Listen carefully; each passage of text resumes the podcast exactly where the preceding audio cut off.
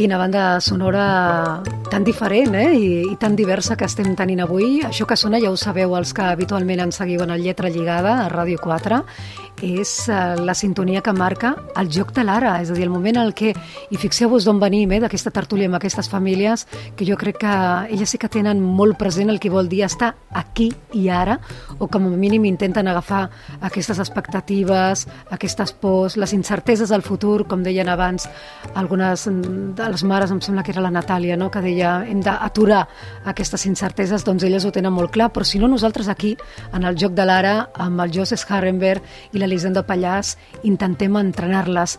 Avui, Soleta, t'han deixat, Elisenda. Bona tarda. Bueno, molt ben acompanyada, quines famílies. Ah, sí. sí, és una meravella, jo els agraeixo moltíssim que tinguin ganes de compartir-ho. Sí, per, per canviar la mirada, regal. precisament. Sí.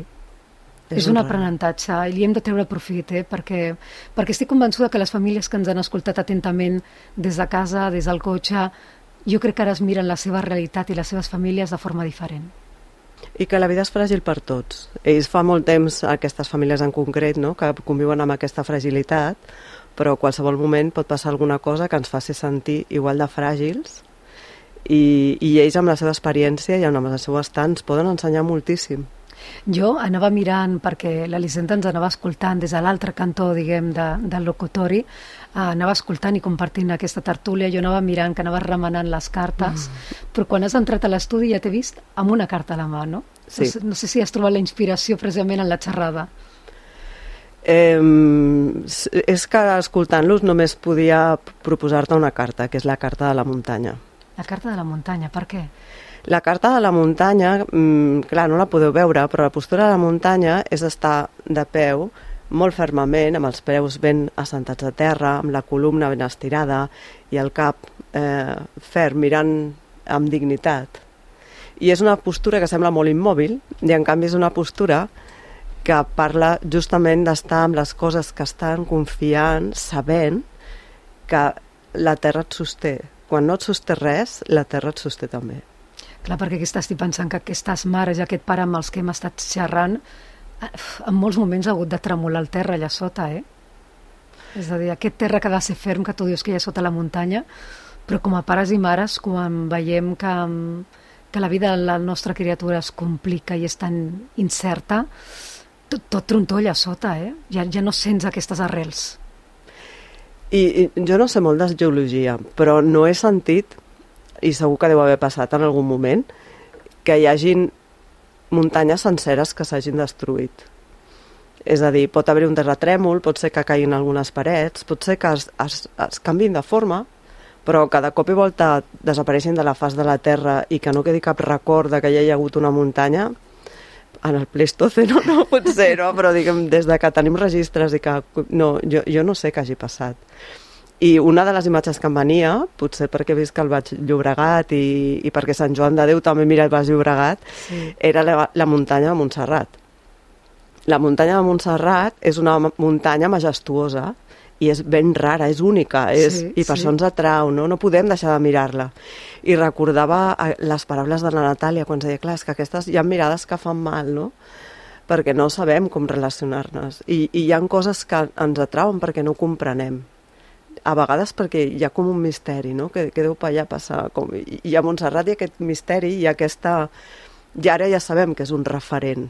I potser parlant en programes com aquests podem fer que hi hagin persones com les que hem escoltat avui que siguin referents per entrenar aquesta mirada i que veiem aquesta diferència com una cosa sorprenent de la que podem aprendre i un lloc on podem anar-nos a trobar, perquè és una muntanya ben fràgil, i direu, però sí, és sempre. Però té aquesta forma perquè la terra és molt porosa, perquè l'aigua, el vent, la van desgastant i la transformen cada dia. Montserrat mai és igual d'un dia per un altre. Els canvis a vegades van a poc a poc i sembla que no hi siguin, no? Però Montserrat un dia no hi serà. O no hi serà com nosaltres l'hem coneguda. Mm? I... I nosaltres, si som conscients, com a pares i com a mares, també ens anem transformant, no? Si estem, com Exacte. tu dius moltes vegades, no? en aquest aquí i ara, és a dir, gaudint del present o atenent les necessitats del moment, ens adonarem que nosaltres no som els que érem al principi, no? quan potser vam rebre aquesta criatura als braços per primera vegada. I tant. i tant, no? Els escoltàvem els pares, hi havia moments també per l'humor. Sí. Viuen situacions molt difícils, però poden també veure amb, una, amb un somriure situacions que, que dintre de la seva quotidianitat són normalitat. No? I estic molt agraïda perquè ens hagin compartit que no tot és raro, entre cometes, a les malalties rares no? que sí. hi ha coses ben normals. Mentre sonaven els Queen i acomiadàvem a, a, a aquestes famílies, ens deien això, no? com ells havien d'haver treballat eh, gairebé ells mateixos, moltes vegades sense aquest acompanyament psicològic que necessiten i emocional, doncs les frustracions, la culpabilitat, la muntanya russa, ara que parlem de muntanyes, que significa que tu creguis unes expectatives i te n'arriben unes altres, o que la teva criatura, fins i tot quan tenen el diagnòstic, vegis que aquest diagnòstic també va canviant perquè es van afegint reptes nous que tu no esperaves, no? sobretot en el cas d'aquest tipus d'afeccions, que són minoritàries i que en sabem tan poc. I, i quan t'escoltava parlar de la muntanya russa pensava que fins i tot les muntanyes russes també paren. No? Hi ha moments que s'aturen. Potser abans de caure, potser abans d'aixecar-se, però sempre hi ha un moment que t'hi pots pujar i baixar, encara que sigui abans de fer una altra volta. Eh, I, I la carta de la muntanya parla d'això és igual el que estigui passant, passarà igual, no, no puc fer que no passi. I, i, i no parla de ser ferm, de, de ser rígid, parla de saber que tu tens tota la força que tens i que amb aquesta força serà suficient perquè el, fer el que podràs fer i confiar que tens els recursos i acceptar aquesta vulnerabilitat de que no sempre seràs perfecta, no sempre podràs acompanyar els teus fills, no sempre podràs acompanyar els germans, no sempre et podràs acompanyar tu, i que si fas aquesta petita baixada, aquest moment És en què para el motor, no? tornarà a venir una altra pujada, tornarà a passar. No? La muntanya també estan allà, sembla que siguin éssers molt immòbils, però acullen molta vida i acullen les estacions. I és d'una altra cosa el que està parlant aquesta postura de ioga que és de les més difícils i odiades, que ho sapigueu. No, tornem a fer la muntanya si no fem res. Després Fas li demanaria a l'Elisenda que me la faci per veure com, per veure com s'ha de fer, no? No fer res, només estar amb, amb la situació. I a la muntanya se l'ha de cuidar. A la muntanya se l'ha de cuidar. I si pensem...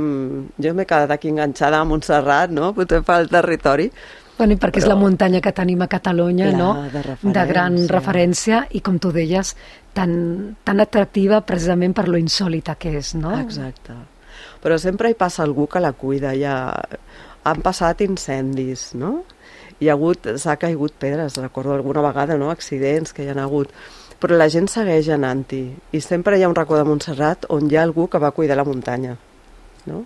I les famílies que ens escolten a l'Hisenda, ja per acabar, i que estiguin jugant, per exemple, aquest joc de l'ara, perquè us, us recordo que nosaltres estem fent, diguem, aquesta adaptació a la ràdio, però aquestes cartes existeixen, les van crear l'Elisenda i el Jost, i les podeu trobar més acompanyades d'un llibre, tant per infants molt petitons com de més grans, i és un joc que podeu compartir per conèixer-vos molt millor a dins de la família, per conèixer-vos més bé vosaltres mateixos. En aquest cas, si juguéssim a la carta de la muntanya, o si ens sortís aquesta carta, què podrien treballar o què podrien fer les famílies?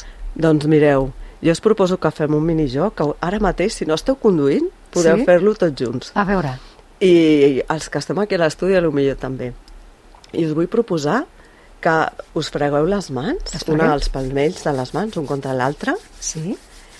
I quan noteu que hi ha una mica d'escalfor, amb les puntes dels dits, comenceu a tocar, a tapejar des del cap. Com fer, si féssim un massatge però copets Com si dits. fos una pluja suau que va Ah. caient a la muntanya que ja ets. I pots anar passant per tota la coroneta, per tota la part de darrere del cap, per tota la cara.